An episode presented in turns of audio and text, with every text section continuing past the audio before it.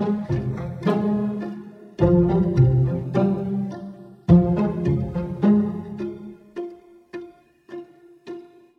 podcast Voice, Vojvođanskog istraživačko-analitičkog centra sa Sanjom Kosović. Ona će sa autorima i autorkama pričati kako izgleda put od pronalaska do samog objavljivanja priče. Saznaćete sa kakvim izazovima se novinari i novinarke suočavaju kako bi radili u interesu građana, a donosimo vam priče kojima ste vi, naši čitaoci, pružili najviše pažnje.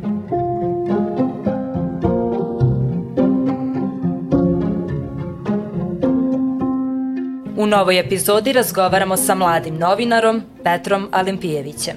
Pre nego što se bacimo na razgovor sa Petrom, važno je da ga predstavimo. Petar Alimpijević je sa nepunih 22 godine najmlađi novinar u redakciji Voice. Za najizgled kratak period što se bavi novinarstvom, Petar na portalu Voice ima preko 30 objavljenih analitičkih i istraživačkih tekstova, a nedavno je za jedan od njih i nagrađen. Krajem prošlog meseca za tekst pod nazivom Psihoterapija delatnost u sivoj zoni, Petar Alimpijević osvojio je drugo mesto u kategoriji za najbolji istraživački tekst u takmičarskom delu festivala On the Record. Ipak, danas ne razgovaramo o tom tekstu, već o onom koji je redakciji Voice obeležio maj mesec, a to je tekst pod nazivom Novi Sad, prestonica kulture i grad kladionica. Upravo ovaj tekst je i nedeljnik Vreme prepoznao kao značajan, zbog čega su ga preneli u svom poslednjem majskom broju.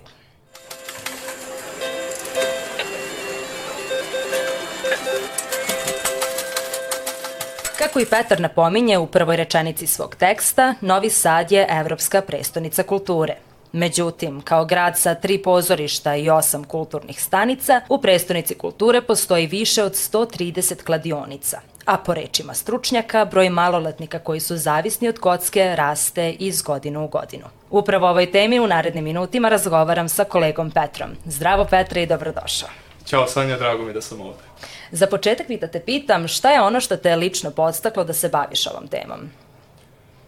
Pa rekao bih da je postao jedan niz motiva koji su me inspirisali da prosto počnem da se bavim ovom temom. Naime, često se desi da prolazim tim bulevarom Kralja Petra I, gde se nalazi srednja mašinska škola, koja je onako jedan deo teksta je posvećen upravo toj školi. I kada sam prolazio tako, primetio sam da se oko te škole nalazi onako jedan značajan broj kladionica. I kao verujem i svi nisam ja to percipirao sa nekog onako novinarskog aspekta, jer kladionice gledamo svuda i postale su onako običajna stvar. Međutim, desilo se da smo imali taj redakcijski sastanak gde je naš kolega napomenuo onako neformalno da se u njegovoj zgradi dole u prizemlju otvara jedna kladionica i kako kladionice bukte, to je neverovatno. I meni je kliknuo negde taj zakon gde sam ga onako pročitao negde da kladionice ne smeju biti 200 metara od škole, ne smeju biti odnosno bliže 200 metara od škole, moraju biti izvan tih 200 metara. I razmislio sam i kao prolazim pored te srednje mašinske škole i kao čoveče, pa koliko ima kladionica od srednje mašinske škole?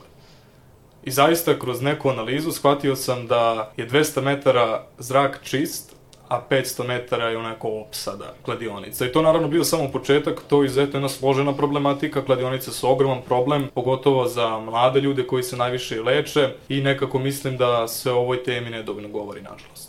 Evo i sam si sada spomenuo taj zakon, taj zakon je ažuriran pre recimo dve godine, ako se ja ne varam iz tvog teksta. I sad kako se tebi čini koliko je taj zakon delotvoran i šta je tvoje istraživanje u stvari pokazalo? Da, taj novi zakon o igrama na sreću donet je 2020. godine i on između ostalog predviđa što sam malo pre rekao da kladionice ne smeju biti u udaljenosti bližoj od 200 metara od škola osnovnih i srednjih. I mi ako to pogledamo, možemo reći okej. To se poštuje. 200 metara od škole ne postoji kladionica. I recimo to isto pitanje ja sam postavio jednoj profesorki koja predaje u srednjoj mašinskoj i rekao sam kako se vama to čini to 200 metara ta udaljenost. Ona rekla pa kao dobro, ali naši učenici ne žive 200 metara od škole, kao žive nekoliko kilometara ili udaljeni su i dolaze iz nekog drugog mesta i oni sigurno dok dođu do škole ugledaju onako značajan broj kladionica. I meni je to sav absurd zapravo tog zakona.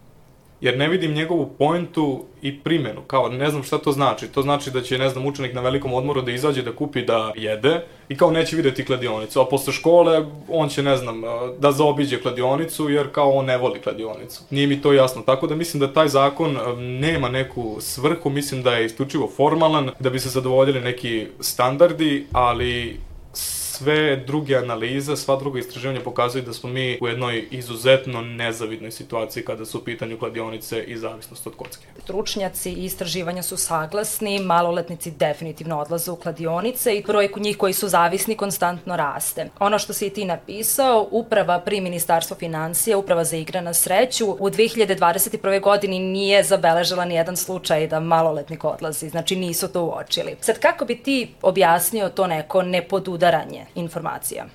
Ja sam postavio upravi za igre na sreću pitanje kojom dinamikom oni vrše te kontrole. Oni su mi rekli tokom 2021. godine bila je jedna ta vanredna inspekcijska kontrola na teritoriji grada Novog Sada u saradnji sa policijskom upravom grada Novog Sada i eto nije zabeleženo prisustvo nijednog maloletnika u kladionicama. I onda se sasvim onako logično nameće pitanja zbog čega samo jedna inspekcijska kontrola ako mi imamo parametre koji pokazuju da su klinci sve više zavisni od kocke gde mogu da postanu zavisni nego u kockarnici, pobogu. I kao zbog čega onda samo jedna kontrola. Na to pitanje ne mogu ja da odgovorim, to je pitanje koje njima treba da se postavi, ali eto i to je opet neka vrsta absurda, priznaćeš.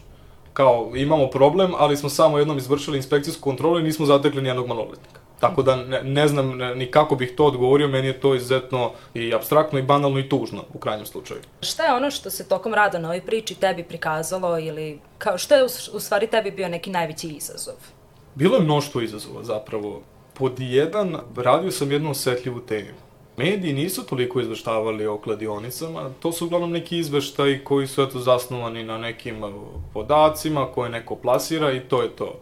A mi manje više pa gotovo svi iz svog okruženja imamo nekog ko je ako ne zavisan, ali često je u kladionici. I to više nije redkost, prosto postalo je manje više normalno. I onda kad sam pristupio toj temi sa novinarskog aspekta, sa profesionalnog aspekta, pitao sam se kako da približim tu temu prosečnom čitaocu, a da nikoga ne osudim. Jer to će čitati neko ko je zavisan od kocke. Kako da mu kažem, e, ok, to se dešava, e, možda treba da potražiš pomoć, vidiš kako to ide. I onda kad sam saznao, ja to nisam znao, saznao sam kad sam počeo da radim na tekstu, da je zapravo najviše zavisnika od kocke mladih, dakle od 17 do 25 godina, čini mi se da mi je tako a, psihološkinja Jelena Manojlović rekla, dakle do 25 godina. I morao sam da nađem nekog ko ima te sitne godine. I kada sam došao do tih mladih ljudi, morao sam i da ih zaštitim.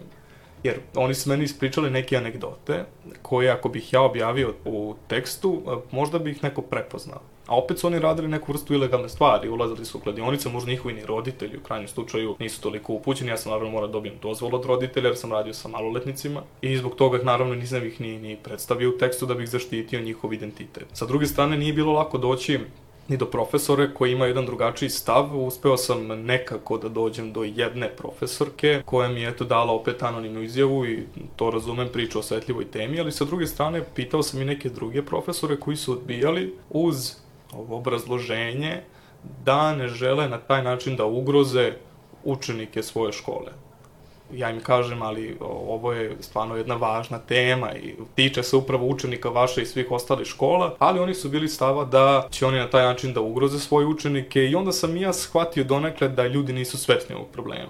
Niti profesori nisu bili svesni kad sam im istakao koliko kladionica ima u Novom Sadu, kako sve to funkcioniše, koliko je maloletnika zavisno od kocke, ljudi to ne znaju.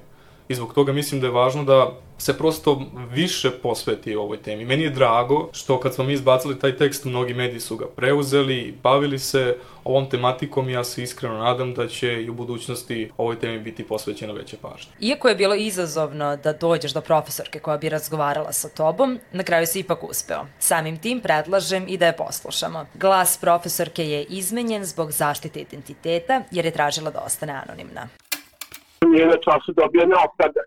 Šta će on raditi posle nastave? To je opet znak pitanja. Ako bi se zakon, zaista, ako bi se svi pridržavali zakona, da je zabranjeno maloletnicima da uđu u kladionice, onda ne bi bilo problema. Tako? konkretno naše deca su uglavnom putnici, evo 50-50%, recimo neka bude tako. Što znači od železničke stanice gde već dolaze stižu autobusima do, do škole, sigurno sam da imaju još priliku da vide kladionice 14-15 godina, znaš, pogotovo ko garantuje da oni posle škole neće otići. To je, to je možda sad najveći problem.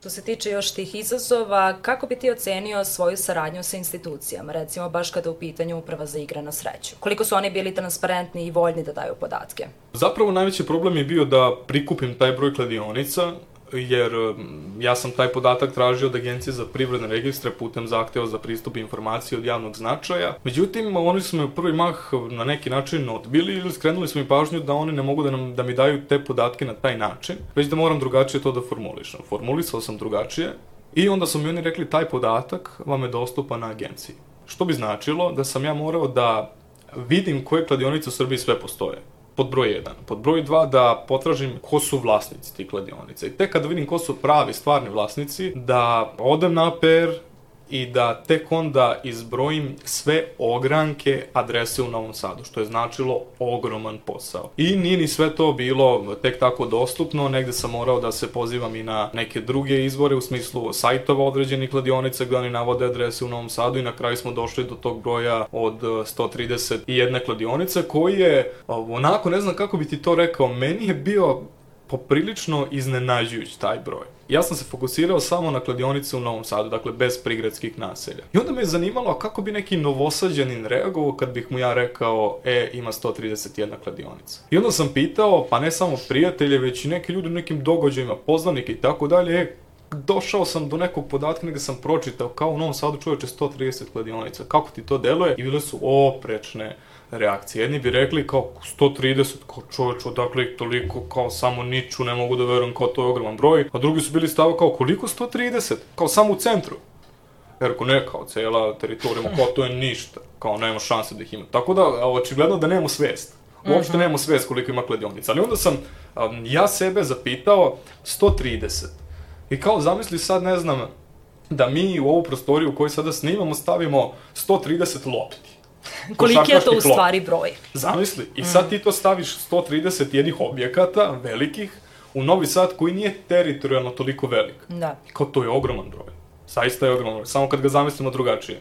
Tako da, eto, ali što se tiče institucija, mogu reći da nisam ja ni mogao da dobijem mnogo informacija od institucije, zato nisam ni tražio. Tražio sam to od uprave a, a, za igre na sreću, kod koje sam dobio jednu izuzetno važno, dovoljno mi je ta rečenica, jedna inspekcijska kontrola nema maloletnika i meni je bilo dovoljno da shvatim. Mm -hmm. Tako da ja nisam iskreno puno ni očekivao od institucija, više sam se onako fokusirao na ono što ja vidim i na ono što su iskustva ljudi koji su to preživeli i na psihologije. Morao sam da se konsultujem sa psiholozima, čak i nakon što sam počeo da radim na temi, da bih razumeo prosto problematiku i psihologiju kladionica. Znaš, jer ja sam iskreno bio stava da su kladionice komplikovane. Da je to jedan komplikovan sistem gde se nije tako lako, kako to kažemo, navući na kladionicu. I zapravo sam psihologa koji rade sa zavisnicima dobio informaciju iz prosto njihovog iskustva, ali i neke druge literature i svega ostalog, da je to izuzetno jednostavan sistem. Krajnje jednostavan. Radi onako na ovom principu, kao nešto će da pukne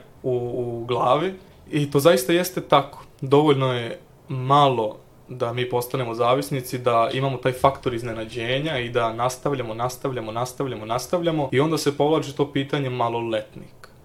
Nije bez razloga maloletnicima zabranjen ulaz. Imamo obzir da su to ljudi koji se i dalje razvijaju mentalno i on nema taj osjećaj za granicu.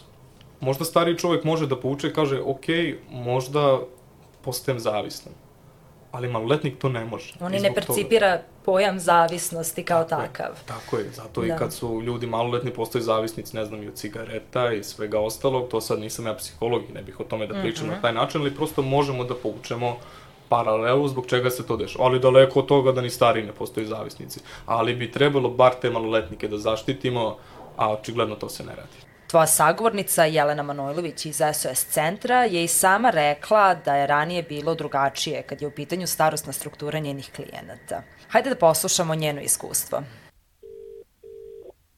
Sam kada počinjala da radim pre 15 godina, starostna struktura uh, mojih klijenata je bila negde oko 35 do 45 godina. Sada radim sve ispod 30 godina. Znači, od počeši od 17 godina, najviše od 17 do 20. Moje savjetovali se nalaze bukvalno preko puta dve kladionice i situacija je tako da ja gledam da tu decu svaki dan, oni čekaju nekoga koji izlazi iz kladionice da mu daju pare i papirić šta da odigrati na, na tiket. Iz tvog nekog iskustva i razgovora sa svim psiholozima i sa u stvari svim sagovornicima, šta se tebi čini kao neki uzrok? Zbog čega je to tako danas? Da, Jelena je istakla da je pre 15 godina kao što si rekla, starostna struktura njenih klijenata je bila između 35 i 45 godina. Sada ona nema klijenta koji je stariji od 30 godina. Dakle, nema klijenta koji ima više od 30 godina i što je poražavajuće čoveče. Znači, to su ljudi zavisni koji traže pomoć, a opet, kako sam to i naveo u tekstu, trenutak kada osoba potraži pomoć je trenutak kada osoba zapadne u dugove. Pre toga niko neće potražiti pomoć. Jer tek kad nastane problem, u smislu finansijski, gde se ljudi zaduže kod zelenaša, tada uskače psiholog koji će da proba da reši stvar, ali uh, kladioničar, odnosno kockarska zavisnost je, kao što i znamo, ovaj, uh, najteži oblik zavisnosti, mhm. -huh. teži od droge, alkohola i tako dalje. I onda i mene, to sad što si me pitali, mene to je zainteresovalo, zbog čega mladi ljudi kao kako smo došli do toga. Plus ta promena nagla, mislim 15 godina nije toliko velik period, ali se njoj totalno promijenila, kao što si sam rekao, starostna struktura klijenata. Da, ali znaš kako, pre recimo 10 godina, ja kada sam šetao gradom, ja nisam nailazio na toliko kladionica. Mm -hmm. To je jedna stvar. Druga stvar je da nisam nailazio na reklame.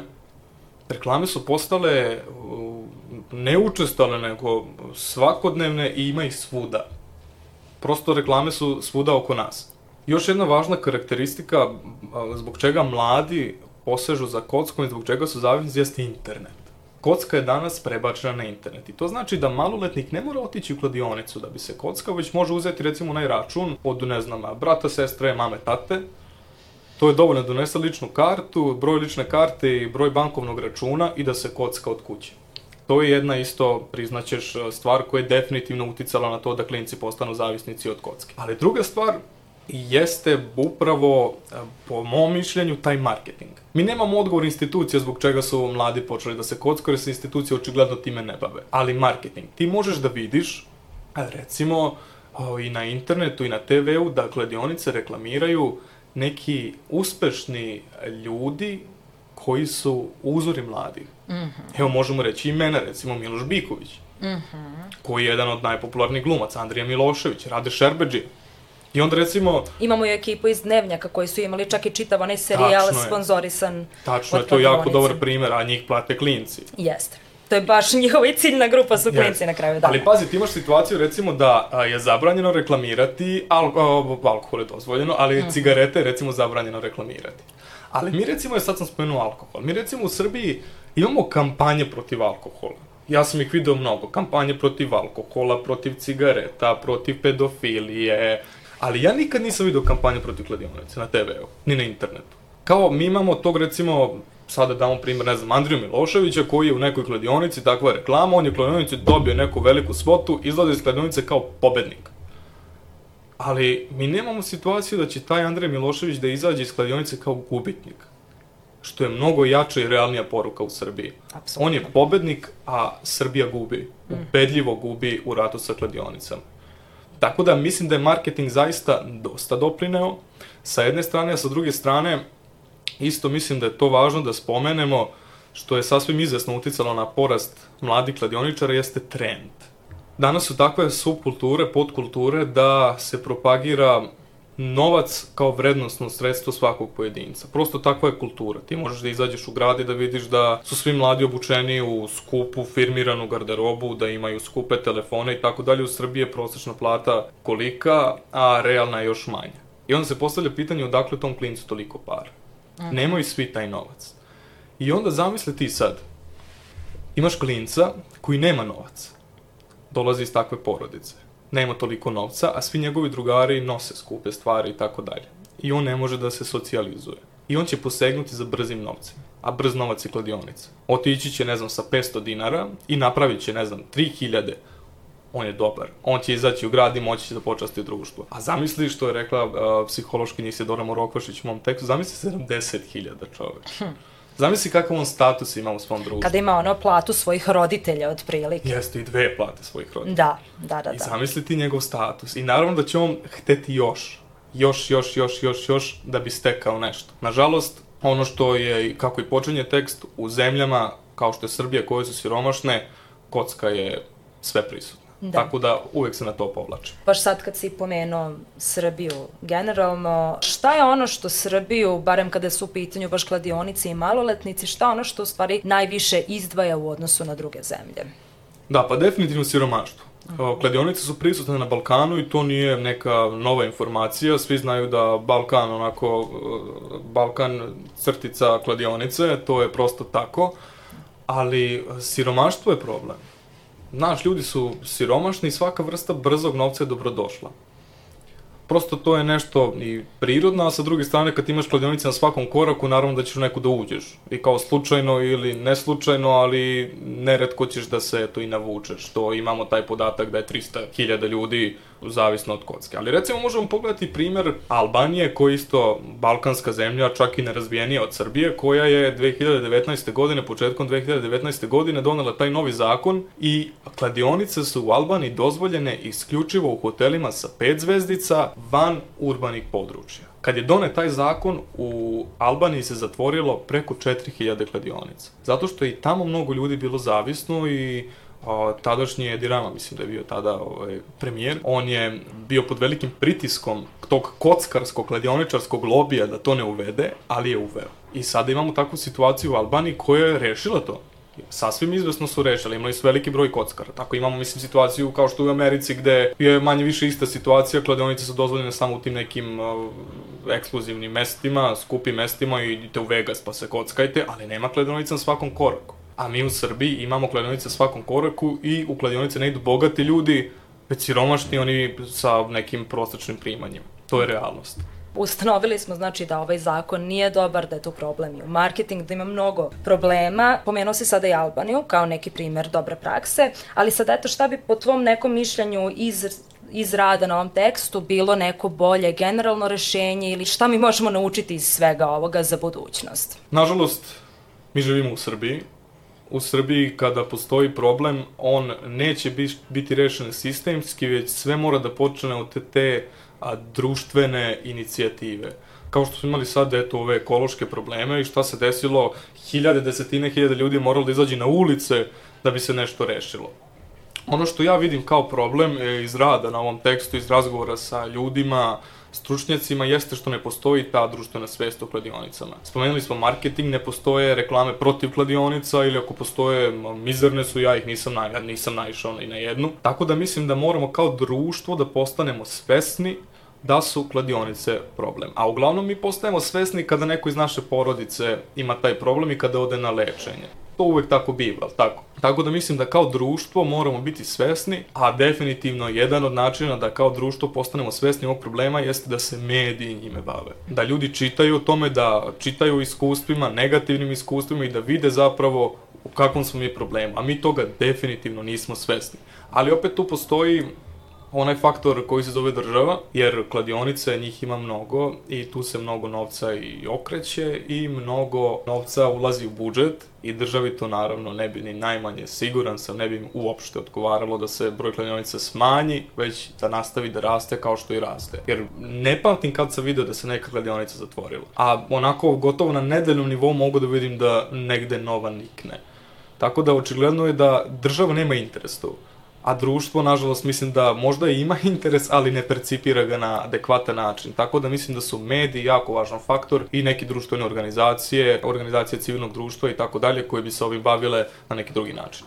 I na kraju samog teksta, govoriš o društvenoj odgovornosti slično i sad posebno kad su u pitanju kladionice mnogo se priča o društvenoj odgovornosti. Sad vola bih tebe da pitam šta podrazumeva tu društvenu odgovornost pored ovog sada što si rekao i, i zašto uopšte ta, se toliko pominje sad ta društvena odgovornost kada je to toliko širok pojam?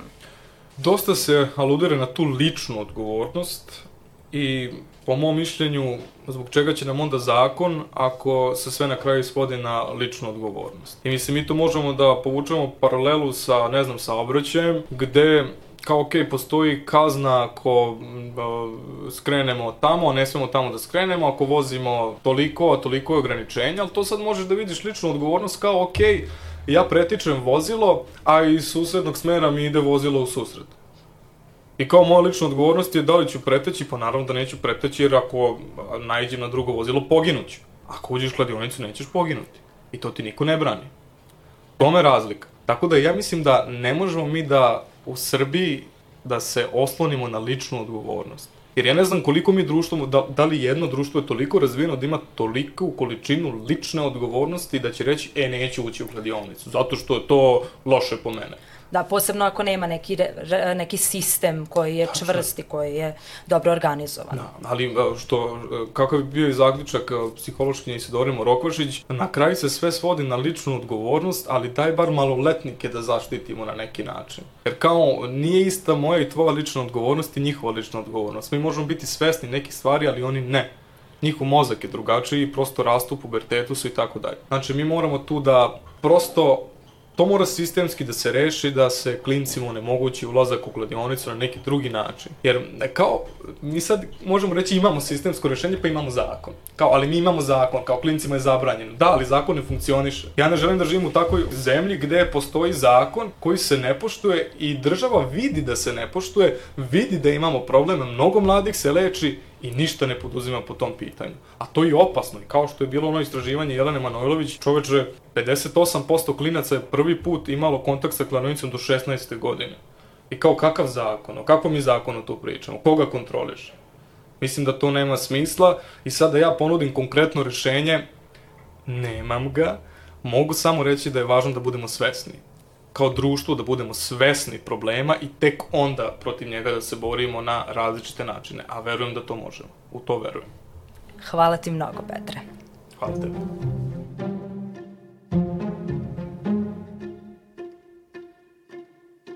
Slušali ste podcast Voice, u kom sam razgovarala sa mladim novinarom Petrom Alimpijevićem o tekstu koji je obeležio maj mesec portalu Voice pod nazivom Novi Sad, prestonica kulture i grad Kladionica. Svakog drugog ponedeljka u mesecu donosimo vam priče o pričama. Razgovore sa novinarima o tome kako izgleda proces rada na tekstovima i sa kakvim izazovima se novinari suočavaju dok rade na pričama. Slušajte Voice podcast i sledećeg meseca. Hvala na pažnji.